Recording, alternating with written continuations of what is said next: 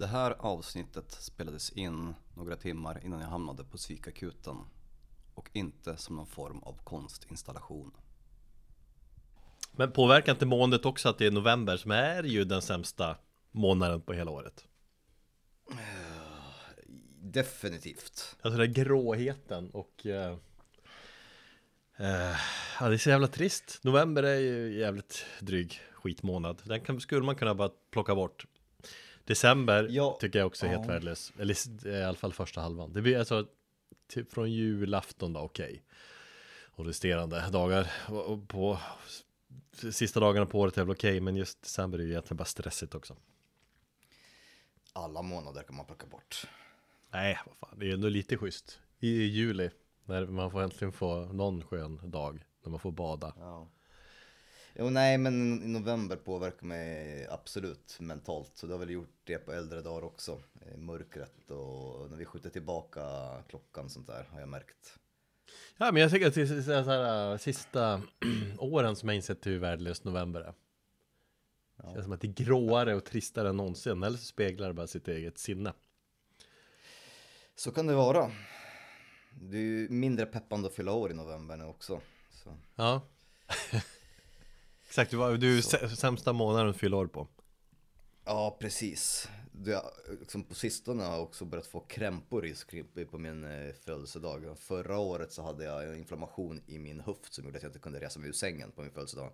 I år så hade jag ryggont. Ja. Eller träningsvärk hade jag i ryggen så jag kunde knappt resa mig ur sängen. Så Då ska du bara vänta tills nästa år när du fyller 40 Då det är total Då blir man Då kan man inte gå upp ur sängen överhuvudtaget Åderbråck och sviktande lever. Ja Ja men vad fan, vi vi försöker ändå dra igång där Vi är lite, lite inklämt här, för mig i alla fall mm. Men jag kastade i mig en macka, jag sprang på dass Jag kastade i mig vatten här nu för att liksom komma igång Jag har ingen energidryck Nej.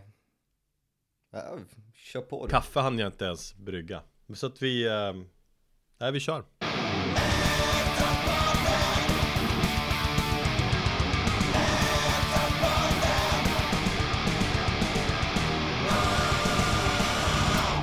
Hej och välkommen till Metalpodden avsnitt 145 En podd där jag, Erik och min kollega Thomas snackar om olika former av metal uh, Metalfacket är ju brett, eller hur Thomas? Oerhört brett. Det är därför det funkar att köra 145 avsnitt av den här skiten. Ehm, ja, vi har inte snackat så mycket alls känner jag. Vi det, för mig har det varit ganska intensiv, men rätt härlig vecka då. Jag har besökt mina päron uppe i Övik och Linn släkt uppe i Dalkarså där. Så vi har kört en jävla massa bil. Mm. Umgåtts och druckit kaffe som man gör där uppe. Eh, Men jag har också hunnit lyssna en hel del på musik eh, sena kvällar och nätter. Eh, men då skulle jag ändå vilja fråga dig idag hur din vecka har varit. För att ja, vi har inte hunnit snacka så mycket men jag har ju förstått att du har, eller vet jag att du har kämpat på en del senaste tiden. Och det är väl liksom, eh, vi har ju sagt att vi ska hålla koll på din status eh, och din eh, mentala hälsa så här under hösten. Ja, eh... Fan, jag känner mig som ett litet barn när du ska hålla, kolla in på mig, eller min mentala status. Det är, min mamma gör redan tillräckligt. Ja, nej men alltså, det, många är ju, vissa frågar ju mig liksom, träffar man folk så är det alltid bara, men hur är det, hur är det med Thomas då? Mm. Jo, ja, och, och mig som får, jag vet, det är ju det som är lite, vad ska man säga, vanskligt med, med att vara i den sitsen som jag är. För det är så många som bryr sig om en, vilket är otroligt värmande. Men samtidigt så blir det lite så här, det blir så här lilla, lilla barnet Thomas, eh, kolla in på, jag får den känslan lite grann som att man inte skulle kunna ta hand om sig själv. Ja, ibland kanske jag inte kan göra det, jag vet inte. Eh, nej, jag har både kämpat med min mentala hälsa och kämpat med diverse sjukdomar här med, med barnen. Vi hade ju ta, tänkt att ta den här höstlovsveckan, eh, halva veckan ledigt och göra något kul med barnen. Mm. Men så blev helt plötsligt alla supersjuka. Ehm, förutom jag då, som var ändå den som var på benen. Så det var lite kämpigt att liksom ta hand om en sjuk sambo som har legat fem dagar i sängen och inte kunnat ta sig upp för att hon har haft sån här frossa och, och, och, och så. Och sen sjuka barn och så ska man själv med, med noll energi försöka att liksom få vardagen och dagarna gå ihop liksom. Nej men det är ju typ det jobbigaste eh, som man kan vara med om. E- Egentligen, alltså när man inte har någon energi alls och eh, ingen liksom hjälp från någon annan och så ska man kämpa och hålla uppe humöret och sköta om eh, andra små människor och sånt där. Ensamstående föräldrar, jag fattar inte hur de grejer Det är det bästa i och för sig, för att man, man får en sån jävla respekt för ensamstående under sådana här Ja. gånger. Man tänker att, hur gör de? Precis. Nej men så att det, det har ju varit lite, det har varit tufft. Det har varit eh, inte speciellt kul överhuvudtaget. Men nu är de flesta på benen i alla fall. Så att jag hoppas att vi kan ta tag i, i, i nya, nya, ja, ta tag i oss nu här framöver.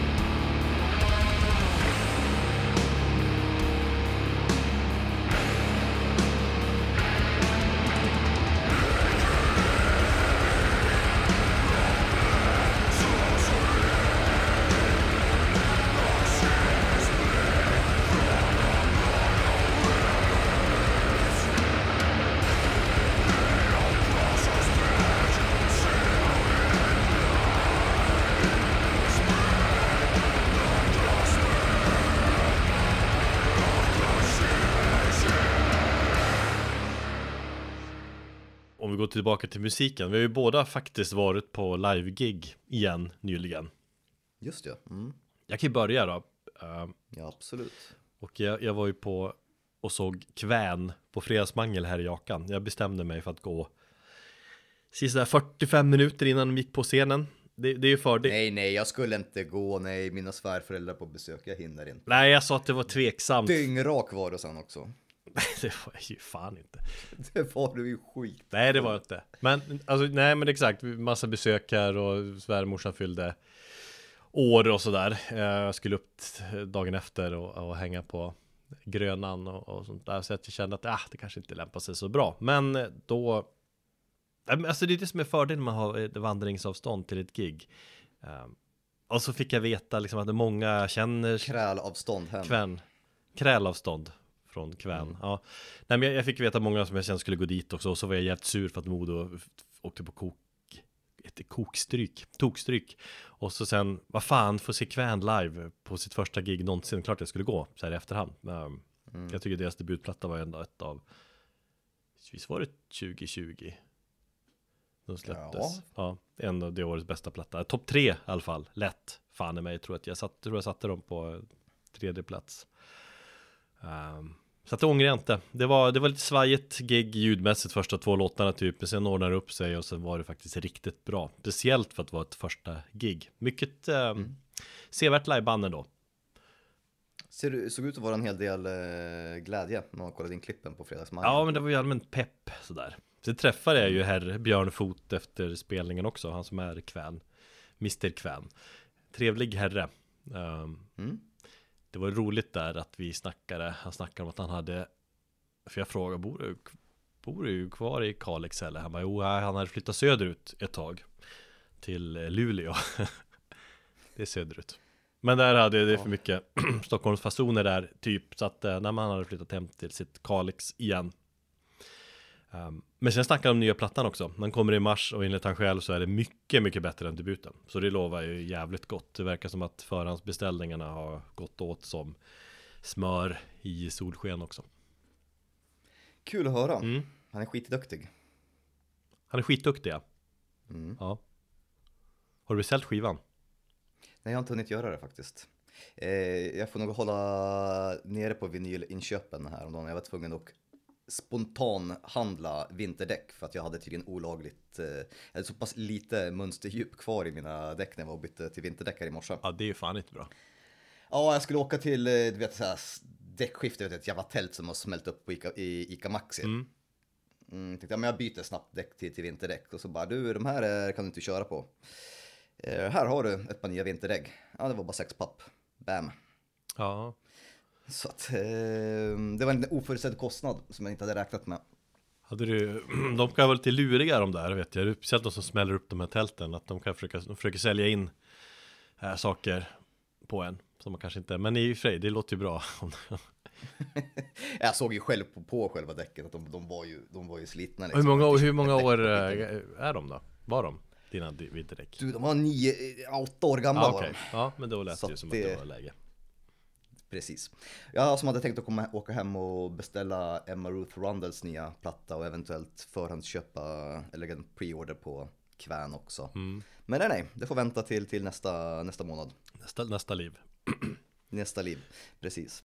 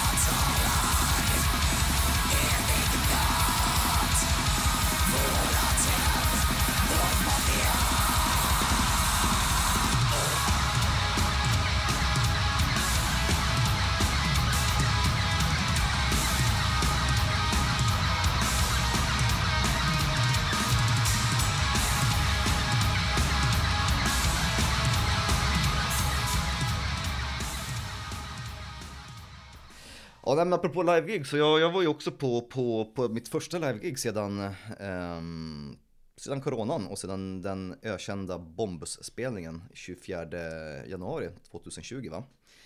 Innan samhället, eller innan världen stängde ner. Ja. Så det var, det var ganska, det var ganska kul faktiskt. Ja men alltså fick du, det var lite det jag är inne på att, eller berätta vad det var för gig först och främst. Eh, det var Katakomba och Eternal Evil som spelade på eh, Mälardalens Brewing Company. Och huvudakten var ju då Morbid Breath, men de hann jag inte se tyvärr. Katakomba och Eternal Evil som är kända från uh, vår compilation-platta som vi har släppt via E-TV Records. Det är en skiva som för övrigt har blivit slutsåld nu, så det tackar vi för alla som har köpt den. Mm. Ja, som fan alltså. Och vill ni köpa en och stötta oss så finns den digitalt också. Mm. Och ni som inte hann med att köpa vinylen, då får man ju ändå säga att eh, snosar man då, då uh, losar man ju. För det är några efterhand okay. som bara, fan jag vill ju också ha en. Bara, ja, men jag har ju... Mm. Eller vi har väl kanske inte marknadsfört den så jävla mycket, men jag tycker att uh, speciellt när, när vänner sånt där hör av sig, de har, borde inte ha missat det i alla fall. Ja, det blev ett intresse när Aftonbladet skrev om den och Gaffa. Så att eh, då trillade du in lite, de sista ordrarna gick ju på det. Ja, jo, då gick de åt ganska snabbt. Nej men det var, det var det är superkul och super liksom, tack för all support alla som har handlat och har köpt den på, på Bandcamp. Mm. Ja, tack som fan. Det det. Tillbaka till gigget, Mälardalen Brewing Company, vart ligger det? Det ligger i Strängnäs. Och det var ett gig som var anordnat av Morbid Breath då tillsammans med sina labelmates eh, Eternal Evil och Katagomba. Och jag tänkte att det var, det var kul att åka dit och jag tog med mig min barndomsvän eh, som är en av de här hårdrockarna som, som stannade upp i hårdrocken 2005 ungefär. Din, eh, din storkukade vän där va? Stocken, 28,5 cm. Han kallas... Precis. Va? Stocken 28,5 cm. Ja, du får, folk får höra av sig här om de vill ha Eller är han singel? Nej det är han inte eh, Hans eh, namn Stocken kommer alltså inte från att han har en stor kuk Utan det har från att han när vi var 16 år gamla Skulle gå på gymnasiediskot och vi var så fulla och han skulle bestämt ta med sig in en trästock in på eh, Västerås eh, stadshotell där balen eh, hölls. Ja, okej, okay, kul, men han, det, det är liksom lite dubbel betydelse ändå. Det är ju kul att han heter Stocken om han har så stor penis också. ja, sen så var det, sen så spreds det ett rykte om honom i Umeå eh, universitet att eh, bland en, en av våra um, kompisar som pluggade där uppe att när han var där och hälsade på då skulle han sprida rykten om att han hade 28,5 cm stor kuk i slaktillstånd. Ja. Så det blev en grej av det, så är det, omoget. Yes. Men kul. Men eh, ja, omoget. Men, men eh, tillbaka till live-giget här igen. alltså vad jag är nyfiken på är liksom att höra hur Hur var det då? Fick du någon sån där ah, Det ska vara live-känsla? Eh, ja och nej, för mig så var det ju ganska, jag var ju tvungen att vara lite så här halvförsiktig med tanke på mitt tillstånd. Eh, och även om det kändes jävligt bra eh, i stunden eh, när jag var där och det var skitkul att få se bandet spela. Jag tycker båda banden var svinduktiga. Så ehm, märkte jag ju efteråt att det, det tog ganska hårt på krafterna. Mm. Så jag märker att jag kanske inte riktigt är superredo att eh, gå all in på en, på en vad heter det, live-gig. Det var ju lite mindre folk i och med att det här var liksom egentligen ett privat event som anordnades av Morbid Beth. Mm. Men det dök ju upp så det var väl så en 40-50 personer då så att eh, eh, Intimt var det. Men vad är det som tar krafter? Är det liksom det här att man, det här sociala, att man måste vara Ja men sociala, ljud, ljus, du vet. Det, det, det, Ja, det var någonting som jag kände dagen efter att jag var ganska färdig. Mm. Det var ju därför jag också väck av innan Morbid Breath därför att eh, jag behöver, behöver ju ha min liksom, skönhetssömn på minst åtta timmar och eh, det var inte för sent. Jag hade ju en, en timmes bilfärd mitt i natten. Med så här riktig jävla black metal dimma också hela vägen. Så man var ju tvungen att åka i liksom 50. Ja jag körde ner nu från norr till söder här i, i regn och dålig sikt och äh fy fan Döden Ja, nej men vad fan, vad, vad kan jag säga om, om, om de två banden? Eh, Eternal Evil är svinduktiga, helvete vilket jävla ös. Jag blir så imponerad också. Basisten, han har ju en e- säregen stil, det känns lite grann som en ung Cliff Burton för eh, 20-talet. mm. Fast med en egen, med, med en egen stil. Ena gitarristen eh, kollar ju knappt ens på gitarren när han spelar utan han rör ju under hela spelningen. Så det, de är ju skillade de där kidsen. Ja. Och det, det känns både, det känns både, vad ska jag säga, det känns eh, sjukt imponerande man blir glad och varm över att ungdomar kan. Men sen så tänker man själv så här, jag hade ju mer gemensamt när jag stod och pratade med deras föräldrar som körde dem till gigget. Så att eh, det var, det var så här, ja, men den här åldersskillnaden och då man själv börjar inse hur gammal man är. Eh, den var lite, den var lite skev. Det var, det var ett mindfuck för mig. Ja, fast fan, när man är hårdrockare så är, kommer man alltid överens ändå va? Ja. Och Katakomba, ja de är svinduktiga, de är lika duktiga på live som på skiva. Eh, Sätter, eh, alltså tekniskt jävligt eh, skickliga. Mm. Och de vet hur man skriver låtar och inte bara riff. Och jag blev jävligt imponerad av eh, t- deras trummis eh, Ernst, hur han eh, blastar på. Eh, speciellt med tanke på att han eh, lider av eh, långtids-covid. Så han är, ju, han är ju skadad och är sjukskriven på grund av att han har problem med sina lungor. Ja, sjukt Ja, det, när, när Anton i bandet berättade för mig så blev jag lite ja, det, berörd av det. Därför att det jag tycker är så jävla taskigt, eh, alltså så vet, 22 år gammal eh, och behöva liksom rocka ut för sån skit. Mm. Och man vet ju inte hur, hur, hur, eh, hur effekten är på lång sikt. Om man någonsin bli frisk för detta, för han har ju tydligen ned- nedsatt lungkapacitet. Så tänker man på alla ovaccinerade jävlar och, och, och vaccinförnekare och allt möjligt där som, som liksom vägrar, eh, vägrar sånt här och, och, och tänker på vilket jävla ansvar alla, alla vi har. Mm. Men det där också är lite speciellt. Känn, alltså, hur kände du med, med, med pandemin och att vara bland mycket folk? För att det, när man ser nu runt omkring bara i Europa här och i Norge och Danmark när smittan ändå ökar igen och det känns liksom att fan är det Det känns inte helt hundra om man säger så. Ja, Jag försökte ju hålla avstånd och det gick ju att hålla någorlunda avstånd. Men sen när det kommer fram två stycken aspackade stubbar och börjar liksom väsa mig i ansiktet och jag känner deras alkohol liksom doft i, i mitt ansikte, då, då blev jag ju lite nojig. Ja. Så jag vet inte riktigt hur det hade varit om det hade varit liksom ett gig med 500 pers. Det är det jag menar. Jag, jag tycker personligen att det är kanske någonstans Visst, vi är vaccinerade i stor grad, men någonstans är det kanske för tidigt, så man vet inte vad som kommer hända. Mm. Små spelningar, absolut. Eh, större gig. Jag hade ju aldrig gått till Globen och Tool nu till exempel. Ja, fast vad fan, det, där sitter man ju liksom. Eller man, alltså jag tror att det är större risk att eh, smitta sprids på ett mindre intimt ställe. Ja, Säger jag rätt. som har koll. Men ja, nej men jag har väl valt att se det som så att nej men nu fan nu, vi måste ju också tänka på musikbranschen. Nu är det Nu har de öppnat upp eh, lite grann kör, men jag tror ju också Eller tror, men man känner att det kanske blir lite restriktioner framöver, att den risken finns. Är det så? Ja, jag är ju allmänt Jag- neg. Jag vet att Västmanland, det länet som jag bor i, det har ju högst siffror i hela Sverige eh, nya fall. Ja, är stäng så- ner Västerås, tycker jag. Stäng ner Västerås. Mur runt Västerås. Det hade ingen klagat på. Men kul att få uppleva livegig. Jag vet inte när nästa livegig blir. Jag skulle ju sett Henke Palm här i fredags, men det blev ju inställt så att eh, vi får se. Ja men här i Stockholm är det lite så, jag kör det här spontana nu. Jag, eller liksom, kanske gått på, på gig till helgen till exempel. Och nästa helg kommer jag att dra och så, så att jag, ja. Om tid finns och om jag känner för det och sådär, då, då drar jag. Det är lite så jag jobbar. Och det känns skönt att vara tillbaka i det. Och det tror jag vi var inne på förut också, att man missar gig. Och känner lite FOMO. Det är en härlig eh, känsla ändå. Ja. Vi lyssnar på lite Morbid Breath, bandet som jag, huvudakten som jag missade. Jag lovade att kompensera dem med att spela lite av eh, deras nya musik i podden. Gött. No Mercy for the Dead.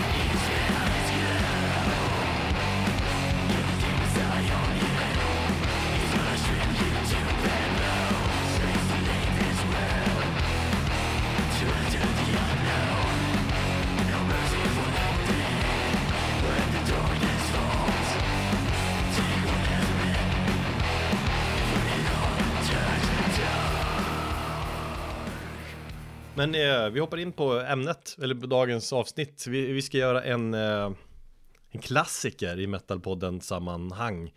Uh, Vi gör, vi gör en form av avsnitt som vi brukar typ göra en gång per säsong, känns det som va?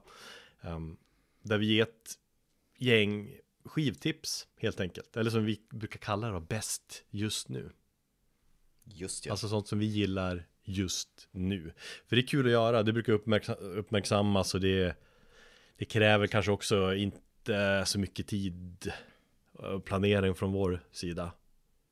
Nej, det är, det är ganska skönt att slänga in, eh, slänga in en sånt här avsnitt efter att vi har gjort eh, ganska mastiga temaavsnitt. För det, ja som du säger, det kräver ju noll, noll research för jag går mest bara på, på, på magkänsla. Ja, i och för sig, jag gör ju lite research nu. Alltså, det kräver ju tid att man lyssnar på plattor och sånt där. Ehm, men det, är- det är ett kul avsnitt att göra. Jag tyckte vi brukar, brukar ha skön, skönt snack, du och jag. Jag gillar att lyssna på vad du ska tipsa om och, och du kanske gillar vad jag lyssnar på också. Eller jag är nyfiken i alla fall. Ja, det har ju blivit ehm, viktigare för mig tycker jag med de här avsnitten. Det här är de här avsnitt som jag peppar mest under säsongen faktiskt, för jag tycker de är roligast att göra. Ja. Eh, men sen har det blivit viktigt också på, ur den aspekten att du och jag pratar ju inte om musik på daglig basis och tipsar varandra om skivor. Det har jag tagit upp tidigare. På samma sätt som vi gjorde i, i poddens början. Så därför är det liksom kul att stämma av lite grann med dig. Eller när vi gör de här avsnitten och se vad du lyssnar på. Så, oj, fan nu blev jag väldigt förvånad. Lyssnar han på det där bandet? Ja. Vilket jag har blivit i även denna gång. Ja, det, det är väl det. Jag tar väl med plattor av den anledningen också ibland, känns det som. Ja. Att, för att eh, jag tänker, ha dig i åtanke. Eh, Men jag tror också att det, det, vi har ändrat lite i alla fall. Jag lyssnar ju inte, jag lyssnar på musik på ett annat sätt. Eller podden får bestämma mycket vad jag lyssnar på under dagarna och sånt där. Det vill säga att vi har ett ämne planerat, ja men då dyker man ner i den. Så att det med förra, förra avsnittet pratade vi mycket Japan och då var det liksom, fan jag lyssnade bara på japansk musik. Just ja. Och så. Eh, sen har jag ju också, som vi kanske har pratat om eh, mycket, att jag, jag, jag orkar inte mer det där att hänga med i allt som släpps. Den här stressen, du vet. Du vet, man ska hinna lyssna på allting, den här, som har släppts på, på fredag varje vecka. Det har jag släppt och det är jävligt skönt beslut på något vis för att det, det blir bara stressigt. Jag hinner inte med. Jag har, brukar ha koll på vad som släpps och sånt där, men jag brukar inte försöka stressa med att lyssna på allting, utan jag tar det när jag väl känner för det. Jo, Så. men konsekvensen är att man hinner ju inte med. Det, det, det är liksom en eh, plattor som staplas på, staplas på hög. Som, och den högen blir högre, högre, högre. Så blir det för mycket för mig. Så att, eh, Fan detta jävla eh, samhälle. ja. Nej men då har jag släppt det igen så blir det, ja då tar man, gör vi sådana här avsnitt ibland. Eh, men vet du vad det jävliga är med den här formen av avsnitt? Av avsnitt? Berätta. Det är att namnge dem. Det fastnar vi alltid i. Vad, vad ska vi döpa det här avsnittet till? Till exempel? Bäst just nu? Det gör vi väl alltid? Nej, Det heter väl alltid bäst just nu? det gör det väl inte? Gör det väl? Nej. Jag tror bara döpt något till. Alltså vi skulle ha döpt första avsnittet till bäst just nu och sen bara plussat på en siffra för varje sånt här avsnitt. Så kunde det vara Är det inte så, är det inte så vi har gjort? Bäst just nu del X. Eh, nej, det är det inte. Liksom senast var det, var det våras när vi snackade någon så här, um, då var- blev det mycket band från eh, Polen och Danmark väl. Och då körde vi någon sån här uh, bäst just nu eller Nej, da, Dan, Danmark, Polen, tur och retur. Ja, just det. Ja exakt, det blir sådana här luddiga avsnittsnamn.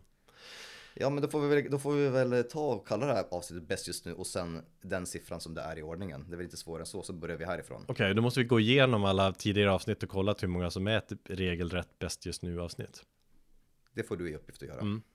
Nej, det är fan inte lätt att driva podd. Men du, alltså innan vi går in på det här. Mm. Kan du inte bara svara på en liten fråga? Ja. Vad tycker du om Mastodons nya album? Eh, jag, jag tänkte så här, ska, vi- ska vi snacka Mastodon? Eh, och så tänkte jag också, nej, för att det, krävs mycket kommer krävas mycket tid. Men eh, det är en skiva som jag fortfarande håller på att eh, Bearbeta. bearbeta mycket. Men jag blir också väldigt, jag tar ju dem i försvarsställning. Det är lite så här Metallica för liksom mig och, eller för, för mästaren också. För jag vet och ser och jag vet också att du, eh, eller många är jävligt tveksam till plattan, inte gillar den. Eh, jag vet också om ganska många som gillar den, som Svempa till exempel, eh, våran eh, älskar den. Eh, jag älskar för att den bjuder på så mycket nytt från deras sida också. Och det är mycket, Okej. mycket själ i den. Mm. Men det, det jag ser också är det vanliga. Det gnället på Masteron att, ah, nej, det blev ingen ny eh, Leviathan.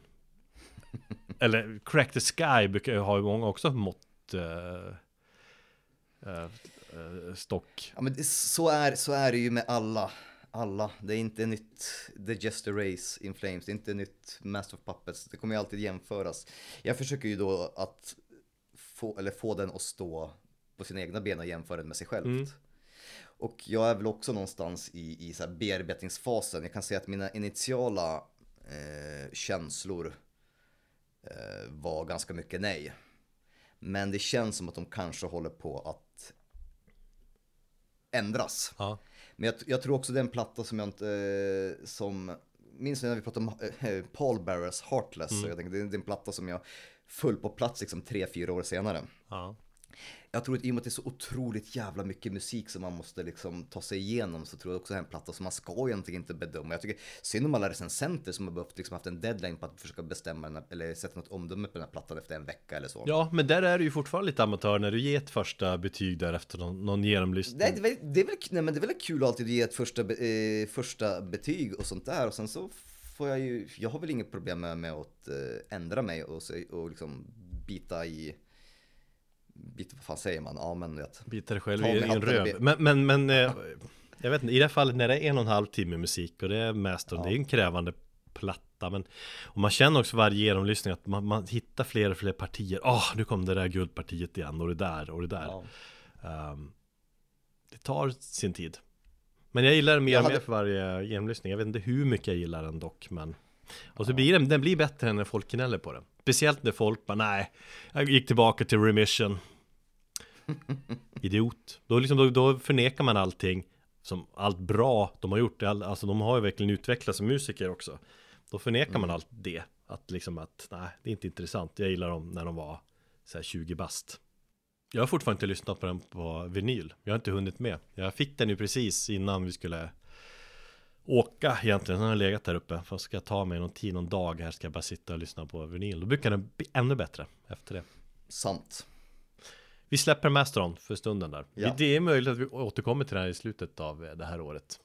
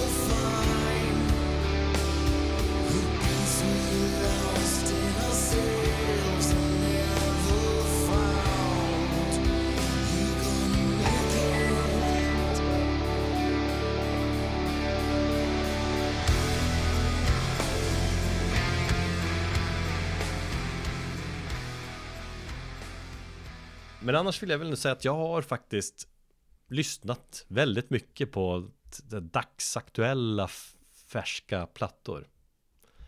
eh, inför det här avsnittet. Jag har betat av Okej. väldigt många. Jag har läst en massa plattor. Jag har blivit sugen och nyfiken och så har jag lyssnat. Men det, har, det är många som varit så här okej, men som inte gett mig den här kicken. Eller som inte har berört mig. Och det är det man är ute efter. Eller det är så jag har tänkt. Eller som vi brukar tänka det här i den här formen av avsnitt. Mm. Så att de, de jag har tagit med är ändå band som har berört mig på Ja men ett eller annat sätt det, Jag vet det är tjatigt det där Att det ska beröra Det känns ändå som att du har då tvungen och sätta dig in lite grann i din musik. För det lät ju på dig som förra veckan som att du, fan jag har ingenting jag har lyssnat på. Jo, jag hade Ungefär. ju en del, men jag, jo, eller, men jag har också, jag vill liksom ta upp de här som inte, Jag vill inte bara nämna plattor som, ja men det var, det var en okej platta, lalala, utan jag vill ta Mm. något som berör mig Musik som inte berör är fan det är ju trist.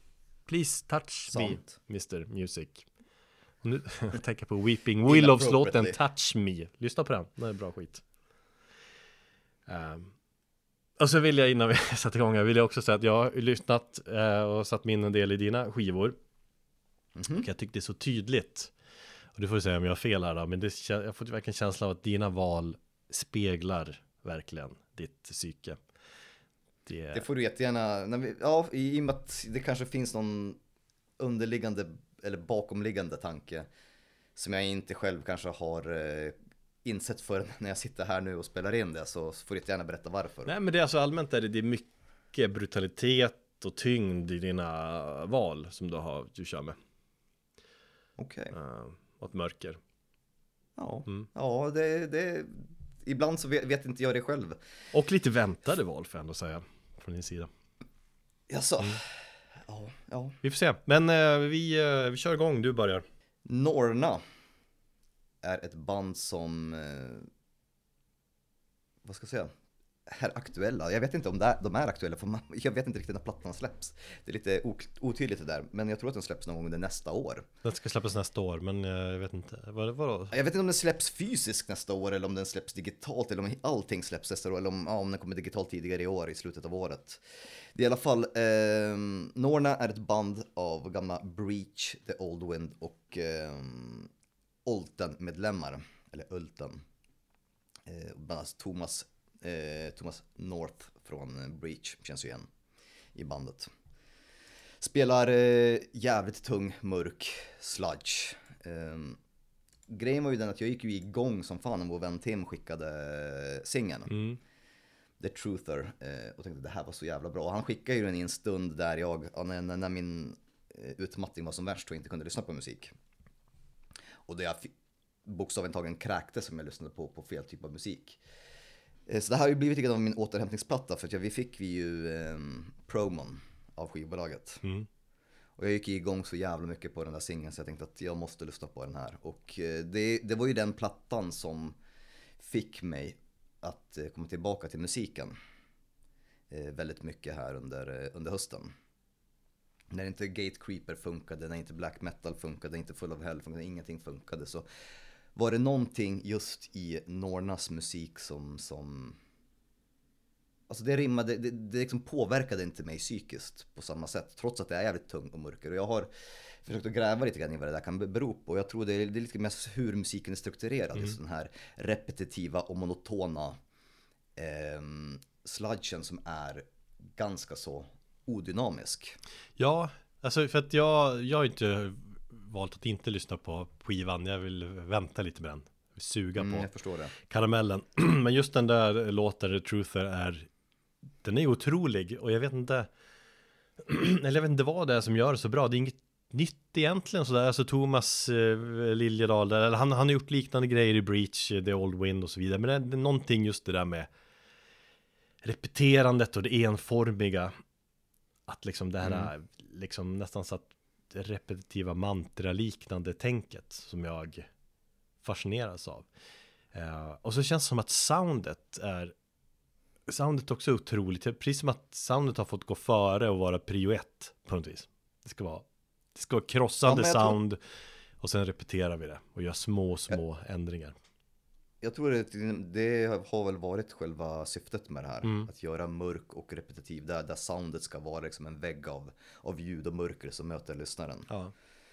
Ehm, ja, det är ju sjukt fascinerande musik. Om man tänker på, på hur tungt och, och, och- och, mörkt det är så är det kanske en musik som man, jag spontant inte skulle gå igång på. Men jag började, jag började leta mig runt liksom i, i, i liknande musik. ehm, efter att ha hört det här. Jag tänkte om det, om, om det här är någonting som jag klarar av att lyssna på just nu.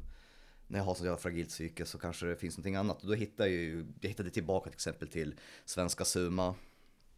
Eh, lyssnade lite grann på Neurosis. Jag gillar den här jämn tjocka väggen av ljudet. Ja, du säger att det, några är sludge, men är det inte inte Det är väl mycket post-metal i känslan också lite grann? Eller sludge? Ja, absolut. Det är det. Det är det, det är det också.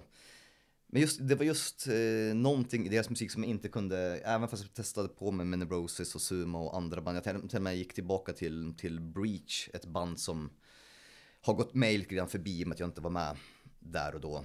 Eh, och, eh, jag var ju upptagen med min Göteborgs Studs och annan musik då.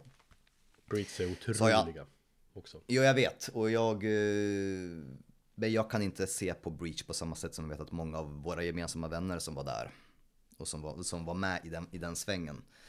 Eh, Så att jag förstår ju inte Breach storhet på samma sätt nu för att jag har ju liksom många, många år senare har jag liksom kommit in i dem.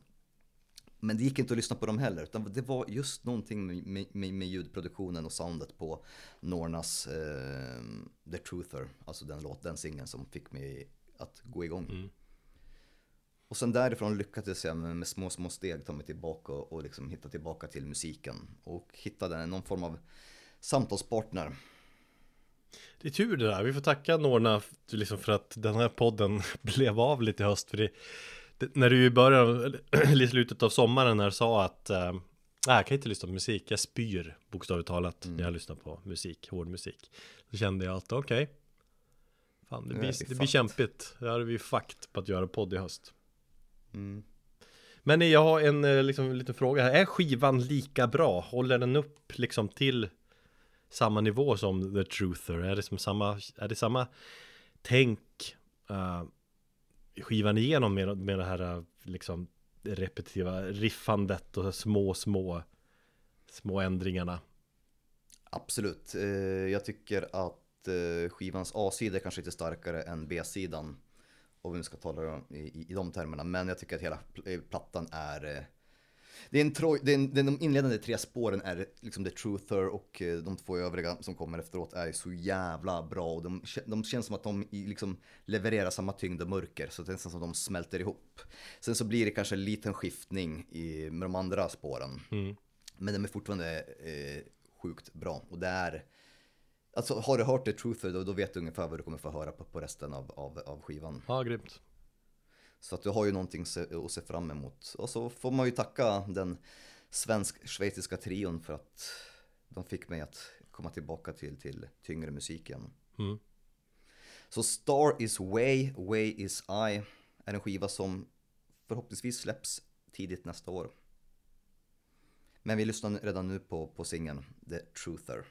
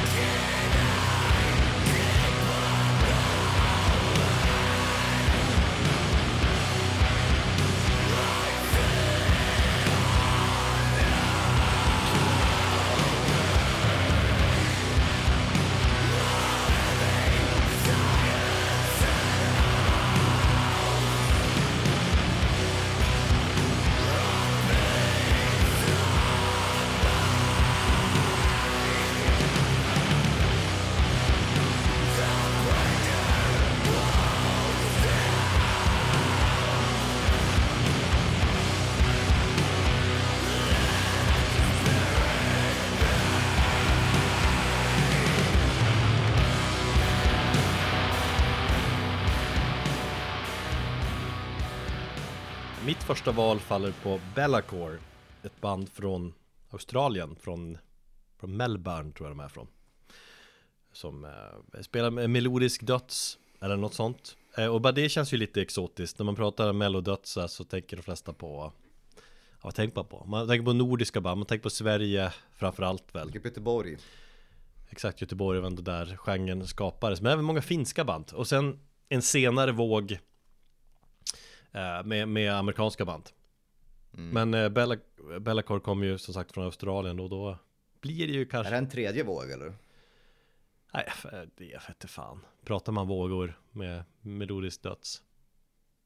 Ja, kanske. Inte nu kanske Det är någon våg Det är en surfvåg i Australien eh, Men det blir ju lite mer kittlande då Direkt Men från Australien, ja fan vad spännande Måste vi höra hur det låter Alltså Australien och metal, vad har vi på det? Det är inte jättekompatibelt ACDC såklart uh, Parkway Drive och en hel del... ehm, The Cave tänker jag på Ditt favoritband Ja. Silverchair kommer väl därifrån? eh, ja, mitt, mitt tonårsband ja. Mm. Precis, eh, Silverchair. Ulceret, nej den kommer från Nya Zeeland. Så det är väl inte riktigt samma sak. Ja, skitsamma. Eh, men Bellacore har varit med rätt länge faktiskt, 2004 och plattan de släppte nyss, eh, Coherence, är deras femte fullängdare. Ehm, jag vet att jag lyssnat på dem förut också, men det var, jag antar att det inte gjorde något större intryck på mig då, det här var väl kanske tio år sedan, drygt. Visst, visst har bandnamnet någonting med Warhammer 40K att göra? Ingen aning. Jag har för mig det. Okej. Och då har du, därför har du kollat upp dem, dem en gång i tiden. Nej, jag skulle lyssna på plattan i, i, igår eh, och sen så sökte jag på bandnamnet och fick upp någonting med någon Warhammer 40K-figurer. Aha. Så då var jag tvungen att skriva till The Band efteråt så att Google skulle fatta att eh, det är bandet jag söker och inte någon jävla Warhammer-gubbe. Ja men om det är Warhammer-gubbe blir du väl ännu mer liksom nyfiken? Du som gillar Warhammer. Eh, ja, jo, jag gillar ju universumet men jag gillar inte brädspelet. Nej, okej då. Och så har du bott i Australien så att det fan det här borde ju verkligen vara ett band som du Och så är det melodisk döds. Så att, Ja, eh, precis. Du borde vara nyfiken att, lyssna på dem om du inte har gjort det. Ehm, Det är eh, Warhammer, det, det är någon demon i Warhammer fast det är inte 40K utan det är ursprungliga Warhammer. Okej. Då har vi det ur vägen. Ja. Nej, som sagt, eh, jag har kollat upp dem någon gång förut För jag har känt till dem, jag liksom, men jag, ja, det har väl aldrig Det var ingenting som fastnade på mig då, men Det var ju länge sedan som sagt, men sen Nu med den här plattan så Det är en platta som har fan gripit tag i mig. Det är riktigt, riktigt bra. Just eh, melodisk döds, absolut i, i sound och känsla och riff så här, Men det är också väldigt mycket progressiv metal. Och det verkar vara en utveckling som kommit mer och mer och som kanske exploderat på den här plattan så det är en bättre beskrivning av bandet är väl snarare liksom progressiv eh, Progressiv mellodöds Eller vad man ska säga um, Sjukt snygg Va? Nej men progressiv melodöds, jag gillar alla subgenrer som det blir av till slut liksom. Ja, men jag tycker att det är ganska tydlig eh, Ja, som man säger mello Ja, nej, men det, det, det, det är ju det är väldigt beskrivande för deras musik, ja. Jo, det tycker jag Ehm, Men det är jävligt snygg produktion Jag tycker sångaren har en ganska cool Lite så otydlig men ändå kraftfull growl eh, Nej. Nej, jag vet, jag vet att du också ska gnälla på den Eh, Du visste att jag skulle gnälla Ja, på det den, visste eller? jag Jaha, Eh. okej. Är jag så pass jävla öppen? Eller känner du mig så pass väl nu? Ja men jag tycker att många så här mellodödssångare är ganska lika varandra liksom. Den här låter, det är ganska grov liksom sång. Det, nej, men det, det, nej, det är, det är... Det är riktigt jävla cookie monster eh, growl och det är det jag inte gillar. Det är, inte, det, det, det är otydlighet. Det, är, det låter lite grann så, jag vet vad jag tänkte på Johan Hägg i Amon Amarth tidigt 90-tal. Han, han, han sjunger ju betydligt bättre, eller growlar ju betydligt bättre idag. Även om jag tycker fortfarande att hans sätt att göra det känns forcerat och lite mer så här, eh, vad heter det? Eh, hakan mot, eh, mot bröstet growl ungefär. Och jag får samma här, att det är lite, lite bjäppande, lite som att ja, han spottar fradga under tiden. Och det var väl det som var det, det, det big turn-off för mig. För musikaliskt gick jag igång på det som fan. Ja men jag, jag gillar, jag, jag håller med dig på ett sätt och vis. Alltså, att den är otydligt, gillar men det, det, men det gör också att det gör att det blir lite speciellt.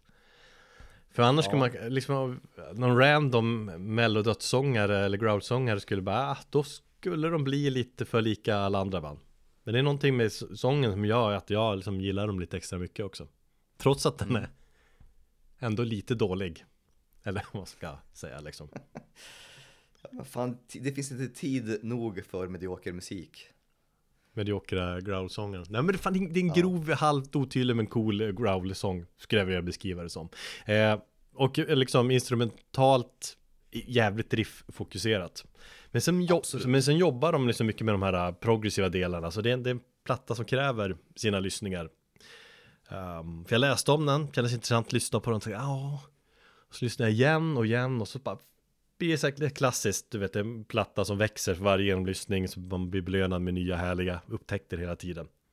Mm. Och sen om man jämför mer med nordiska band så känner jag väl att de kanske är lite mer finska i stilen. Det är lite mer melankoli i, i känslan tycker jag.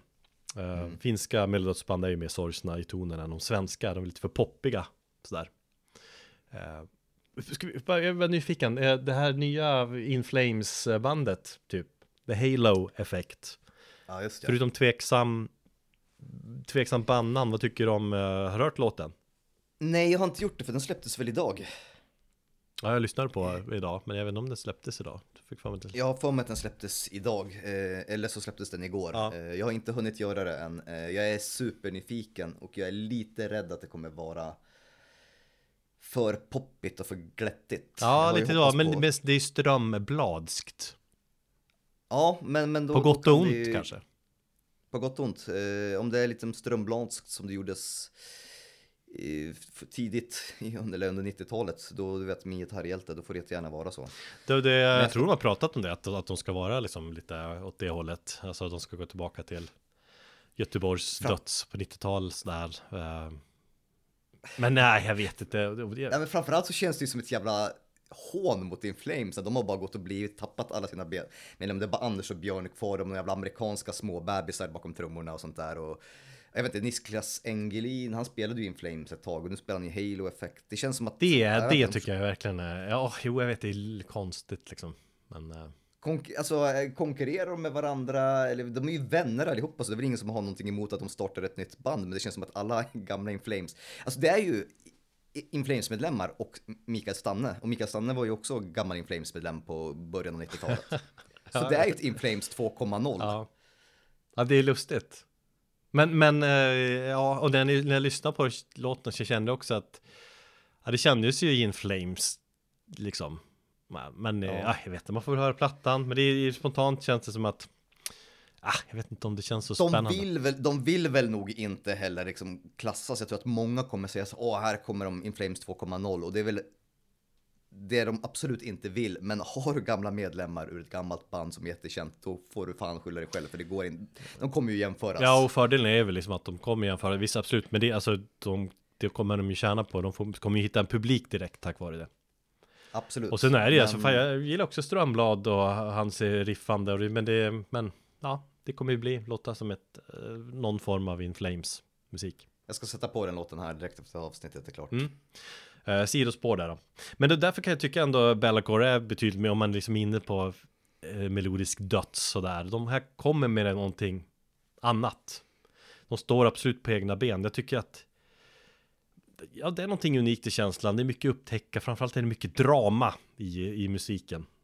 Det är mycket det, Ja. det är mycket det jag gillar i, i den melodiska dödsen. Det ska kännas Det ska kännas dramatiskt, det ska kännas storslaget och det gör de jävligt bra. De har Det finns två instrumentala stycken också på plattan som Verkligen som bygger upp den här dramatiska Känslan Ehm, Det var verkligen en resa att lyssna på det, men det var som att ha kakmonstret med dig på resan som, som skriker dig i, i, i örat under hela det här åtta minuter långa spåret. Ja, du ska få se det som en konstform Lite mer. Ja, absolut. Eh, Bellacore, bra skit, kolla upp dem och bli lite nyfrälst i Melodisk Döds. Ehm, Och sen ni som har varit fans av bandet sedan länge För det verkar finnas en del faktiskt så får jag väl Eller får ni väl hälsa grattis och välkommen till mig. Uh, Vi lyssnar på låten Hidden Window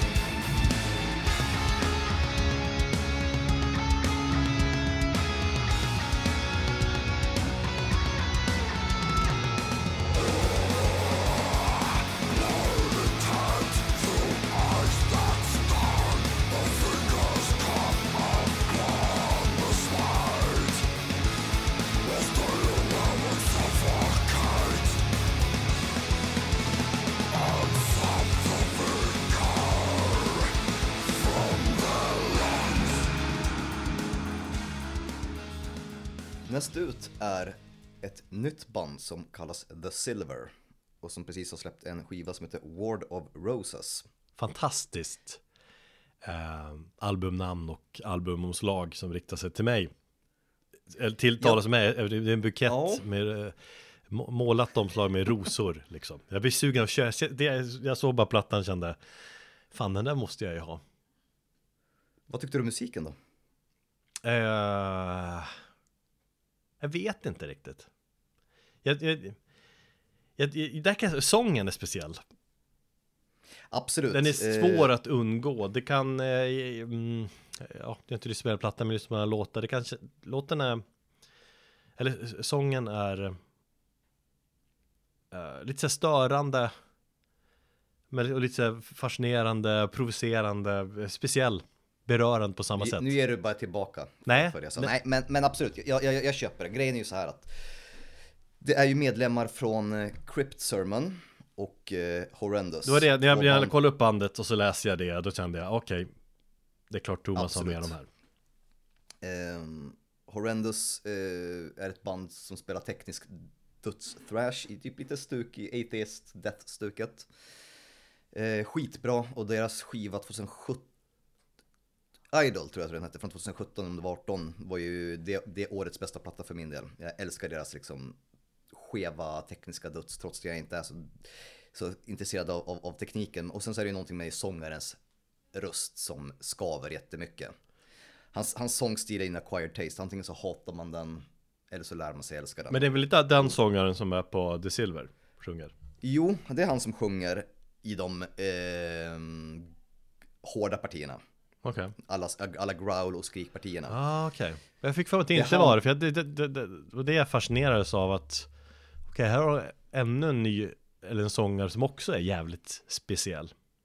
Nej, men det är, det är två brorsor från Horrendous som har gått med i, i The Silver och sen så huvud, huvudmannen eller frontmannen som har startat det eh, är, kommer från eh, Crypt Sermon.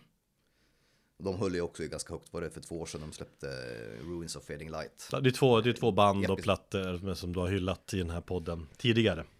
Ja, så när de går ihop och startar ett sidoprojekt som eh, till slut visar sig inte vara ett sidoprojekt utan vill att det här ska vara ett helt fungerande band med sin egen liksom, motor och, och allt så, så blev jag ännu gladare att det, det finns en tanke på att hålla det här vid liv. Och att det redan just nu håller på att skrivs på en annan, eller på en eh, andra platta. Ja. Nej, nej. Men den gick lite grann förbi, jag vet inte hur jag riktigt hittade den. Men det var den dök upp någonstans, jag vet inte om jag fick den rekommenderad av den. Sen så när jag såg de här referenserna till de här två tidigare banden tänkte jag wow, det här måste jag kolla upp. Och eh, musiken är ju jävligt eh, skev. Jag tycker man hör både liksom de episka anslagen från Crypt Sermon och den här lite mer episka eh, power, power eller heavy metal. Samt som man hör det tekniska från just Horrendous. Ja, alltså det lilla jag har lyssnat på så när du frågar mig vad jag tycker. Jag tycker att jag har inte hunnit bilda mig en bild av vad fan de egentligen spelar för någonting. Och det ser jag bara som Nej. positivt. Genremässigt är det svårt att kategor- kategorisera. Eh, man skulle säga någon form av post-black metal. Eh, kanske, eh, om man nu vill kategorisera det. Men som sagt, det är både tekniskt, det är episkt, det finns en väldigt mycket inslag av klassisk musik, eh, progressivt är det. Och med en touch av romanticism tycker jag. Jag tänker just på det här tematiskt och det här med rosorna. Det finns en, en tematik i bandet där eh, jag vet att frontman också sagt att han vill ha försöka slå an den här romantiska strängen från, från tidig skönlitteratur. Fan köpa skivan bara för skivomslaget. Ja. En skiva som är eh, sprungen ur död och personliga missöden mellan bandmedlemmarna. Och det är därför den kanske skaver så pass mycket. Ehm, samtidigt som den fint smeker dig också och vaggar dig in i en liksom skön och behaglig eh, tillvaro där, där det känns liksom okej. Ja. tänker jag. Nej, jag, jag gick igång på det som fan. Ehm, det också, finns väl också någon form av eh, mental koppling där när jag var hos eh, min terapeut och, och sådär. Jag håller ju på som sagt och går igenom en hel del kämpiga grejer med mig själv och Jo. håller på att utreds för, för det ena och det andra. Så jag satt och, hos min terapeut och fyllde i liksom så olika tester och svarade på frågor. Och så bara sköljde det över en stor våg av sorg när jag gick därifrån. Någon som jag aldrig har känt på väldigt länge. Så jag tog mig en, eh, tog mig en eh, promenad, Jag var ute och gick i fan en och en halv timme runt stan bara planlöst. Och så satte jag på den här skivan och lät den bara gå om och om, om igen liksom. Medan jag bara gick. Var, som jag alltid brukar göra, hänga på kyrkogårdar ibland.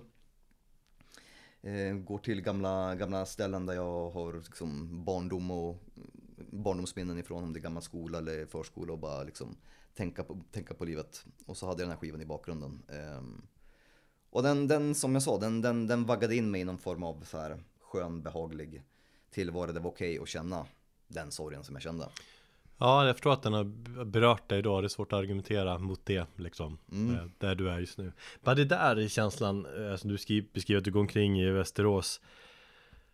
Och minns eh, saker som hänt och sådär, ditt liv och din uppväxt. Fan det där är ju, kan jag vara avis på också. Det lilla jag var i Övik nu här i, under höstlovet. Att jag bara körde bil genom stan, då får jag massa flashbacks, bara massa minnen som um, så här, boom, då får jag det minnes eh, flashbacken och bam, en till, en till, en till. Jag skulle också vilja bo på ett sätt i min hemstad, men än- ändå inte. Jag vet inte om det kanske är så jäkla smart för mig att göra det också, för det är ju någonstans ganska... Det är lite smärtsamt, men, men samtidigt, jag, jag känner att jag be- behöver det. Till exempel om jag går förbi min... Alltså mina föräldrar bor ju nära min förskola som jag gick i när, vi flyttade till Västerås när de kom till Sverige. Eh, Och där, varje gång jag går förbi så är det, alltid något nytt minne som, som, som du säger, bam, så slår det upp. Mm. Bara, just ja, det här hände då. Och det ger mig någon form av inspiration och det ger mig, det hit, jag vet inte, jag är ute och letar efter någonting. Någon, någon jävla nyckel till något svar, eller något svar på en massa frågor som jag håller på att ställa mig själv just nu. Och ehm, jag behöver göra detta, jag behöver gå och gå till de här platserna för att kanske hitta någonting. Ibland så gör jag inte, istället så hittar jag något minne som slår till i magen lite grann och så bara okej. Så att det, det, det, det är en blandad känsla av, av att göra det. Men jag känner också att jag behöver göra det.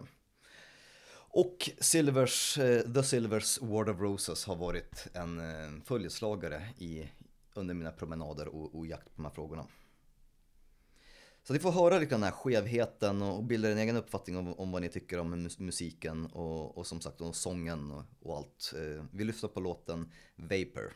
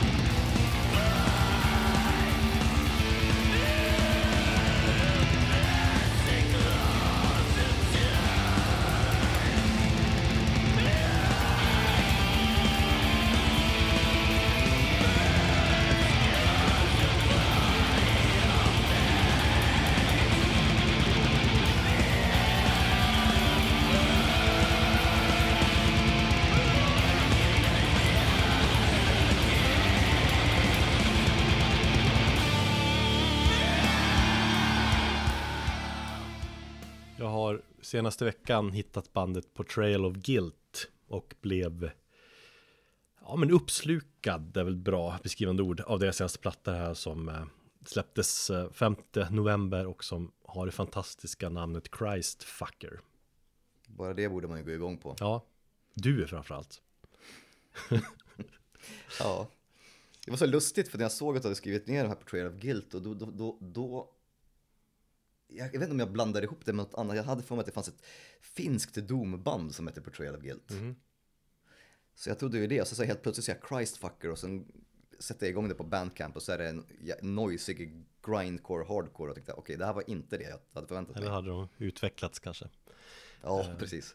Nej men det, det här versionen i alla fall av, av det här Portrayal of Guilt eh, bildades 2017 och det här är då tredje fullängdaren. Eh, men de har också släppt ett flertal EPs så att de, eh, det känns som att de är jävligt eh, produktiva.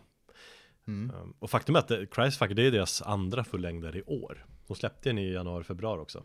Det är fan crazy Okej. ändå att släppa två fullängdare under ett och, och samma år. Men det beror väl på pandemin tänker jag. Eller det har de själva sagt, de, de säger själva att de har ett härligt flow liksom, och då bara varje gång man hänger i replokalen så bara sprutar ur musik och det kommer nya grejer. Så varför inte? Um, och sen är det lite, ja du beskrev dem ganska hyfsat tycker jag ändå. De, jag tycker fascinerande vad, vad de spelar för typ av musik. De har tidigare beskrivits som, eller om går man in typ på deras wiki-sida så beskrivs de som screamo och hardcore punk. Och den känslan får man väl när man lyssnar på debutplattan, men Christfucker är någonting annat. Det är hardcore, ja men blandat med döds, mycket svart metall, men och så finns det mycket så här noise och industriella grejer. Jag tänkte på eh, just den skivan och sen så Full of Hells senaste skiva. Du vet alla de här sidospåren, eller inte sidospåren men de här eh, vad säger jag, mellanakterna som de har på skivan där det bara är massa oljud. Övergångsspår typ. Ja. Ja, precis. Och sen så just ljudbilden på Christfuckers, det här vita oljudet som nästan skär i skallen. Så låter det i mitt huvud dagligen. ja. Jag tycker, jag älskar ju noise och, och just industriella ljud kan jag tycka är jävligt eh, bra. Snyggt och brutalt och liksom, jag vet inte, jag har alltid eh, tilltalats av det. Men det, när man beskriver så här, du vet, det är hardcore, det är döds och svartmetall och det är noise och industriellt och bara har det är en jävla blandning. Men det, de får ihop det jävligt snyggt.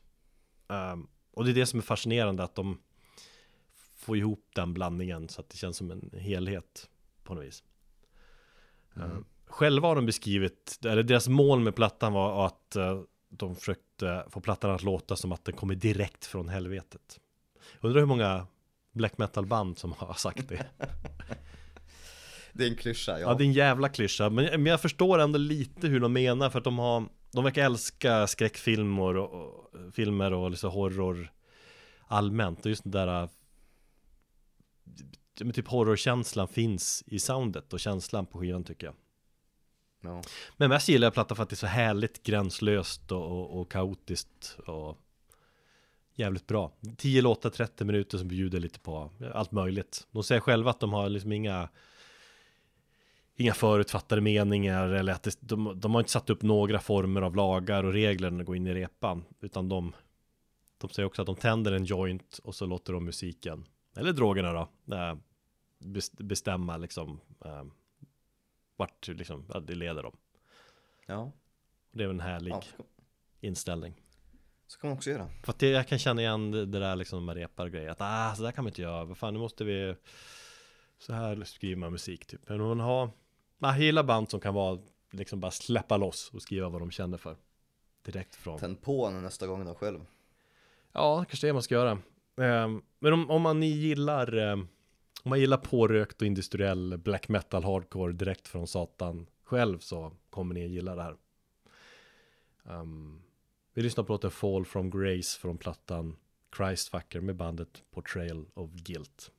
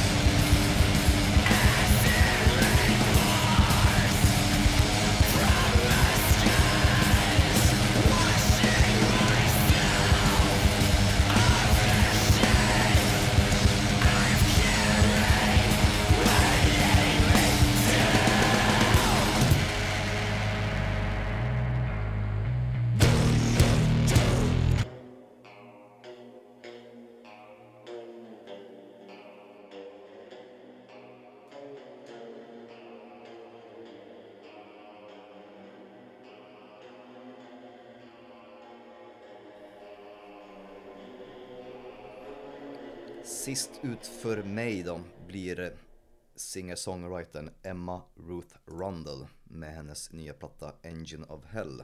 Ser fan att du har ändrat här. Du hade ju, du hade ju fyra val tidigare. Ja, jag eh, gjorde en liten, vad heter det, eh, rokad igår kväll. Mm. Kände jag. Eh, tog bort lite grejer och eh, kände att jag inte var så, så pepp på, på annan musik. Och så tänkte jag att Emma Ruth Rundle ändå är den, den musiken som har berört mig mest här de senaste dagarna. Skivan släpptes ju 5 november så det var ju i fredags. Mm, jag har inte hunnit lyssna på den faktiskt. Men däremot har jag lyssnat på dina andra tips som du tänkte prata om. Men det är, det är okej. Ja, men det, det är okej. Jag hoppas att du gillar dem ändå, att du fortsätter lyssna. Och det var utifrån de valen, eller som jag har dragit också den här slutsatsen på det viset att eh, Ja men det, alla val var jävligt brutala Hyfsat brutal musik liksom att, och det speglar din eh, själ på det viset Å andra sidan Om- så lirar ju Emma ganska mörk musik också Om Nornas eh, sludge post black metal är typ det hårdaste rent musikaliskt och riffmässigt eh, i år så är Emma Ruth Rundles Engine of Hell det mest brutala och ärligaste som du kan göra med ett piano och en akustisk gitarr. mm. Och det här är vi återigen i den här, ja, i den här liksom snacket om att liksom, det behöver inte vara tunga, brutala riff nedstämt och baskaggar och growl för att det ska vara hårt. Och det är lite grann det Emma Ruth Rundle har varit ute, eller varit, varit liksom på jakt efter, att eh, hon lyckas förmedla en väldigt mycket, ja ett ganska så depressivt mörker med hennes, eh, med hennes musik och med några enstaka instrument bara. Det är ju därför hon är ju så här eh, typ bandet för Exakt den musiken och, och, och Roadburn och det de försöker göra att hitta de här gränsbanden som liksom vad som är tung musik och vad som är metal liksom. Vi beskriver ju metal Ja. som att det, det, det är inte bara musikal eller tyngden utan det är mycket känslan och texterna och, och så också. Även om hon inte liksom är metal i sig och så har hon ju ändå en fot någonstans i metalträsket just på grund av Roadburn och hennes tidigare samarbeten i, med både Red Sparrows, då hon har spelat gitarr, Jo, eh, Marriages och eh, Nocturnes eh, som hon också spelar i. Så hon har ju någon, fot i postrock eller i någon form av angränsande, angränsande land till metal. Ehm, Men det är ju ärligheten och att hon också det här befriande att hon på något sätt också säger, jag kollade en här dokumentär om henne, att hon försöker inte på något sätt vara, det finns ingen, det finns ingenting intelligent i hennes musik. Hon vill inte att det ska vara, det är bara rakt ut liksom en känsla som hon försöker förmedla som hon känner här och nu och det har varit väldigt viktigt med, med framförallt med hennes tidigare plattor. Men det känns som att det är ett genomgående tema att hon hon bär väldigt mycket sorg inom sig som hon försöker få ut och förmedla det. Mm. Och jag vet att till exempel platta, hennes andra platta, Marked for Death, är ju en platta som färgades väldigt mycket av hennes sjukdom. Eh, hon har ju något som heter adenomyosis, som är en sjukdom som träffar, eller som kvinnor i relativt unga kvinnor upp till 35-årsåldern får. Och det har ju med, med att det bildas, jag vet om det mm, jag kan inte hela den medicinska termen, men det, det har någonting med, med, med eh, att cystor eh, bildas på utsidan av livmodern. Gör att du får kra- kraftiga eh, menssmärtor och så. Samlag och sånt kan göra, göra ont och så. Hon har ju lidit av det hela sitt liv och ehm, det har ju färgat hennes, hennes musikskapande. Som jag förstått det nu så har hon genomgått en operation och, och, och hon lever ett väldigt dugligt liv utan eh, några som helst problem. Så att eh, jag tror att hon har kunnat släppa det där. Mm. Men, Men alltså när släppte hon en platta senast? För hon, den här, hon gjorde ett samarbete med Thou ju som ja just det, Thou släppte de ju två EPs under, vad var det, förra året och 2019. Hennes... Den här Dark eh, Horses, där, där kom den On, eh, On Dark Horses släpptes 2018. mm. Eh, Marked for Death tror jag släpptes 2015. Eh, Some Heavy Ocean, hennes debutplatta då. Eller egentligen inte en debutplatta på hur man ser på den. Ja. Det är en platta där hon eh, alltså sjunger för första gången. Den släpptes 2014. Men hennes debutplatta tror jag kom 2011 någonting som heter Electric Guitar One. Det är en platta med eh, eh, bara eh, ambient och dronig eh, elgitarr. Mm. Jävligt cool. Jag rekommenderar den, sjukt bra avslappningsmusik. Mm. Som faktiskt inspelad i en van när hon turnerade i Europa och framförallt hon var i Göteborg och i ehm, Oslo. Hon har så, ja, två, tre, fyra, fem, sex, exakt, det är sjunde plattan som kommer här nu. Så att hon, har, hon Mm. är ju produktiv. Jag, det var ju On Dark Horses som jag verkligen fattade, eller gick igång på henne. Ja, samma här. Och eh, sen har, har det, ja, det är bara just med den här Engine of Hell så, så, så eh, grepp, grepp tag i mig också. Mm. Just i det här med att hon, hon låter liksom mörkret ta över och när man kämpar med sig själv och, och, och ibland inte, som vi pratade här om sorg och, och känna sådana här vissa känslor som ibland man inte vill känna, obehagliga känslor, man vill inte känna dem alltid. Så låter hon dem få, få, få, få liksom, hon får utlopp för dem, hon kanske inte låter dem fästa, eh, fästa hos sig.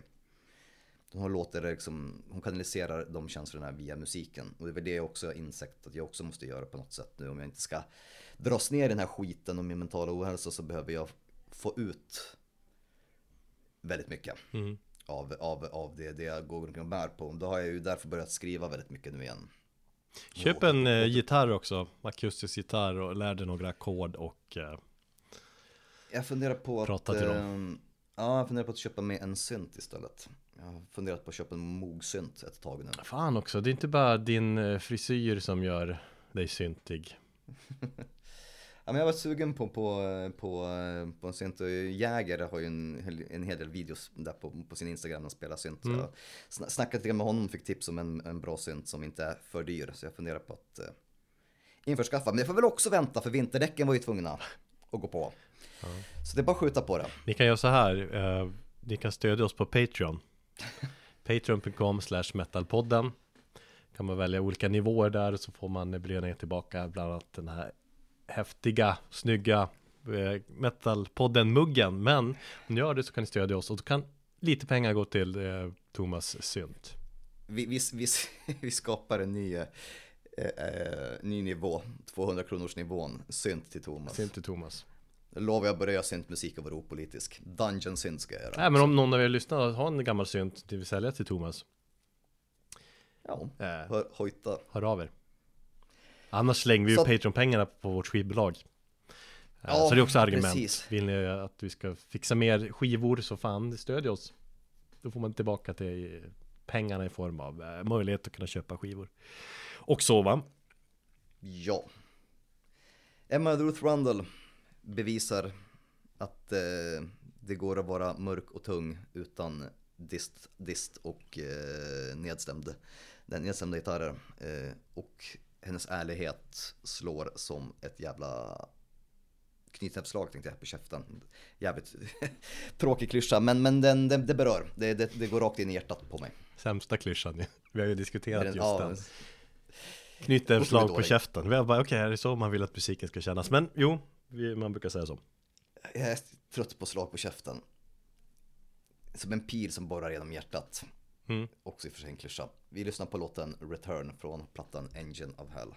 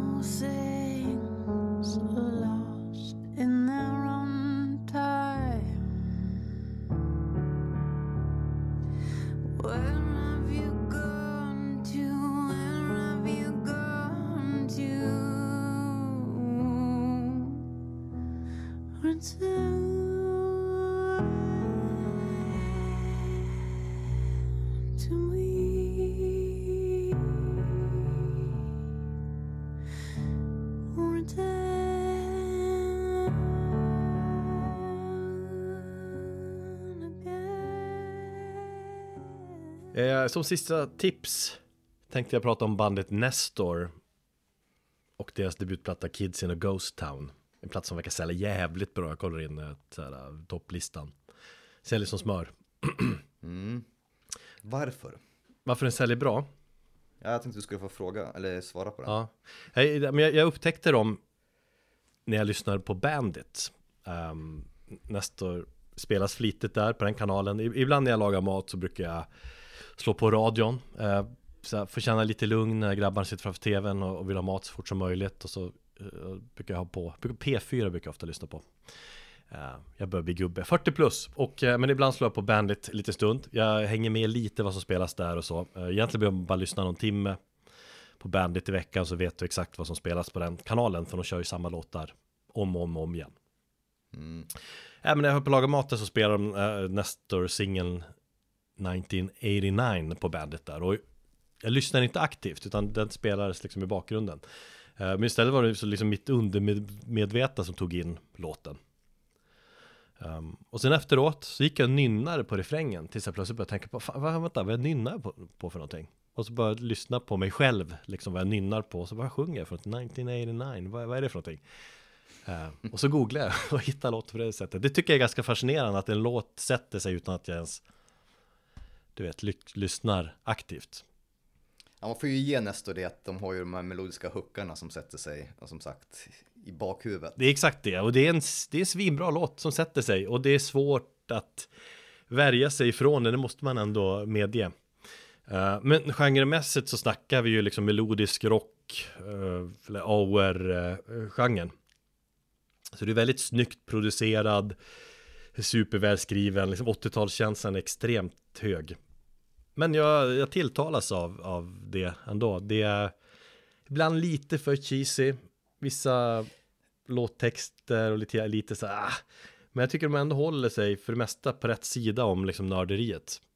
Det är exakt det jag också kände att eh, jag, eh, de hade ju några singlar som eh, föregick skivsläppet. Mm. Jag tror det var den första videon som jag såg på, jag kommer inte ihåg, det var inte 1989, jag undrar om det inte var någon, ja skitsamma vilken det var, det var den första singeln i alla fall. Mm. Kanske var denna. Ehm, och jag gick igång på det som fan och jag tyckte vilken jäkla härlig, liksom sentimental eh, throwback. Ja, Men så lyssnade jag på andra singeln och sen kom tredje singeln och, och sådär och då började jag undra att fan, undrar om inte det är lite för mycket. De balanserar på en hårfin gräns mellan, mellan, alltså de är lite grann så här, är det här hårdrockare som växte upp på 80-talet? Är det musik för dem? Eller är det musik för en ny ung generation hårdrockare? tror- Det är lite oklart vilket ben de vill stå på. ja det är snarare Jag kanske, kanske det kanske snarare det förstnämnda kanske. Men det är det, jag känner också sam- samma känslor när jag lyssnat på dem. Um, Mm. Och då, okej, exakt, det är en hårfin gräns, den är superhårfin, men det, jag tycker de håller sig på rätt sida, för det, men i grunden är det bra låtar, det är supersnygga låtar, refränger, det är bara så, åh, fan vilken refräng det där är ändå. Och, men det är också lite i modern tappning, men de har en ganska Ja. intressant historia. För de bildades 89 då, eh, tog en paus 95, och sen tog de upp bandet 2017 igen.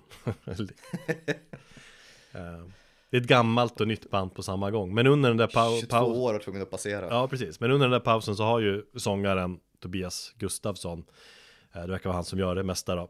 Han har haft en liksom väldigt varierad karriär. Han har vad det verkar varit ganska lyckad låtskrivare. Han har liksom skrivit grejer med Vincent Pontar som är typ Sveriges största, en av Sveriges största låtskrivare idag. Um, han har spelat Ted uh, Gärdestad i musikal. Han har varit med i Melodifestivalen. Uh, han har haft en del andra band. Och så, så han har kämpat på. Uh, med sin musikkarriär. Men så kom pandemin och så satt han hemma med sitt piano och funderade, vad fan ska jag göra nu då? Liksom. Och så skrev han den här låten 1989 och, och, och liksom temat på låten är ju så nostalgiskt tänkt. Uh, när han tänker tillbaka när han och polarna bodde i en liten stad och hur tiden var då.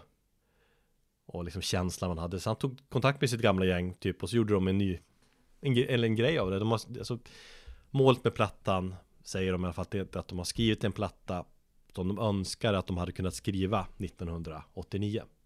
Jo. Så det är typiskt 80-tals sound, det är, det är liksom Det är mycket glimten i ögat Det är flört med liksom 80-talet extremt mycket Och det är Van Halen och det är rätt påkostade musikvideor med Ja det är så här skådis, gamla Tre Kronor skådespelare och det är allt som är som små filmer Men, och det är liksom det, det som jag ändå jag blir berörd av Det finns lite allvar där också Att den här förutom den här superkommersiella liksom AOR-känslan så här, det, alltså den är man är ung, man lever i en liten stad, det är sista sommarlovet innan allvaret börjar och man ska in i vuxenlivet som står och knackar på osäkerheten. Det är till det, den känslan de vill förmedla med plattan också. Ja, jag kan köpa det. Mm. Men det är det- jag menar lite grann på att, ja, vilk, vil, vilka är det de försöker eh, tilltala? Är det liksom de nostalgiska fansen? Eller är det de här nya fansen? Kan, finns det, det undrar jag, finns det en generation, alltså unga kids som, som skulle gå igång på det här? Absolut. Alltså de, är, de verkar som att de har fått en, bara liksom, verkar som att den här plattan har bara exploderat och verkar s- jättepoppis. De spelade på, för jag kolla upp, de spelade på Slaktkyrkan för någon vecka sedan. Fullsatt. Så att de har ju liksom hittat någonting här. Och det är väl just det, de tilltalar liksom en gammal generation som tycker att för fan hårdrock var bäst på 80-talet. Det är det ju många som tycker. Eller när man pratar hårdrock liksom bara, men Erik du gillar hårdrock va? Ja fan jag har hört den här och då ska man prata mycket så här 80-tals hårdrock Jag bara ja jo men det är schysst men jag gillar mycket annan hårdrock och metal också Fan, eh, apropå ung generation och, och, och, och nästa år så kommer jag tänka på att vi, vi fick ju en, nu, vår yngsta lyssnare någonsin, eh, igår. Jaha Ja, eh, ja, en kille som heter Denzel Yes. 11 år gammal, älskar Metalpodden. Hörde av sig till mig personligen. Bor här i Västerås också. ja, min- Jag tänkte att det kanske är musik för honom. Men vi hade ju en annan kille för, eh, han, Adam Schmidt. Ja Var inte han 11 men- bast när han började lyssna på oss? Han var 12 år, men fan, han är 18 år gammal och håller på att leva rövare i USA just nu va? Ja fan, eh, ju- ju- i USA vet jag inte. Men jo man lever i Ja det är kul, det är som att Han har ju pratat om att eh, Han är, ja, Vi, fanns han där växt- när han gick i lågstadiet. När han gick i mellanstadiet. När, när han gick i högstadiet. Så vi har varit en del av hans barndom. Men, men så kul han har vuxit upp och gått igenom tonåren. Ganska stor kille nu liksom Fullvuxen och eh, dricker sprit och lever jävel liksom Ja, och här har vi, nu är det någon som har tagit hans plats och den killen heter eh, Denzel. Jävla bra hans- artistnamn direkt Ja, kolla in hans Instagram, man sitter där, i 11 år gammal, och gör, gör mm, vet du, olika covers på, på, på Instagram, mm, har på sig en Dismember t-shirt, älskar St- Stockholm Döds och riffar loss till olika kända eh, death metal-låtar. Fan vad härligt Man blir så jävla glad när man ser det. Ja, Så jag säger välkommen till honom, hoppas han, eh, hoppas han får eh, växa upp med oss och, eh, i, i sex år, han också. innan han, tycker att, innan han tycker att vi har blivit jävligt gubbiga Fan de är ju nästan 50 bast nu kan man säga då Nej, nej. Kan inte lyssna på de Ja. jävlarna längre Nej men det, det, är lite, det är lite det jag tänker nästa år. Kanske är det är den här nya, nya generationen som, som växer upp och det blir väldigt mycket nostalgi eller det finns en, en svunnen tid. Det, är, det känns, jag vet inte, för mig så, så känns det, ja kanske är, är, är väl våran, våran årskull också påtänkt. Eller? Ja men fan allt går väl liksom i cykler man Cyk- pratar ja. om och det finns jättemånga, alltså hård- 80-tals hårdrocken är väl svinstor uh, Fortfarande Ja. Det är som jag brukar säga att jag, visst, jag gillar hårdrock men jag tycker att liksom 90% av alla hårdrockare har extremt dålig musiksmak Sant. Mm. Jag hatar hårdrockare liksom. Ja. Så att, Det är också min grundinställning. Nej det gör jag väl fan inte ändå. Jag sitter hellre och dricker öl och snackar liksom Fan vet jag Mötley Crüe med någon Jävla snubbe som alltid hänger på Anchor än med någon random jävla Ja, jag vet inte. Men Ja men det är fan Hårdrockare ändå, hårdrockare är hårdrockare, man vet vart man har dem.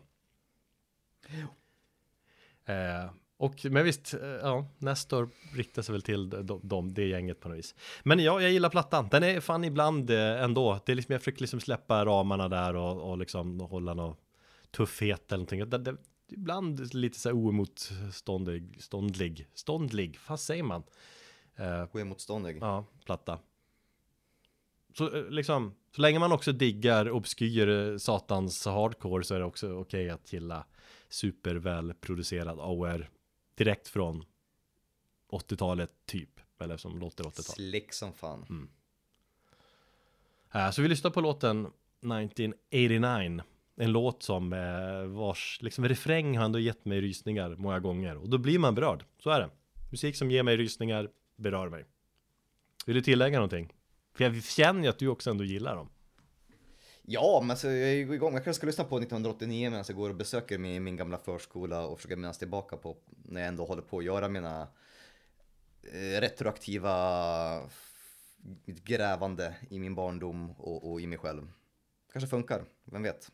Men så här, ja det här är ju en fantastisk låt Mm. Eh, Bra, tack Thomas För den här Tack gången själv Erik och till nästa gång, ta hand om er. Ha det bäst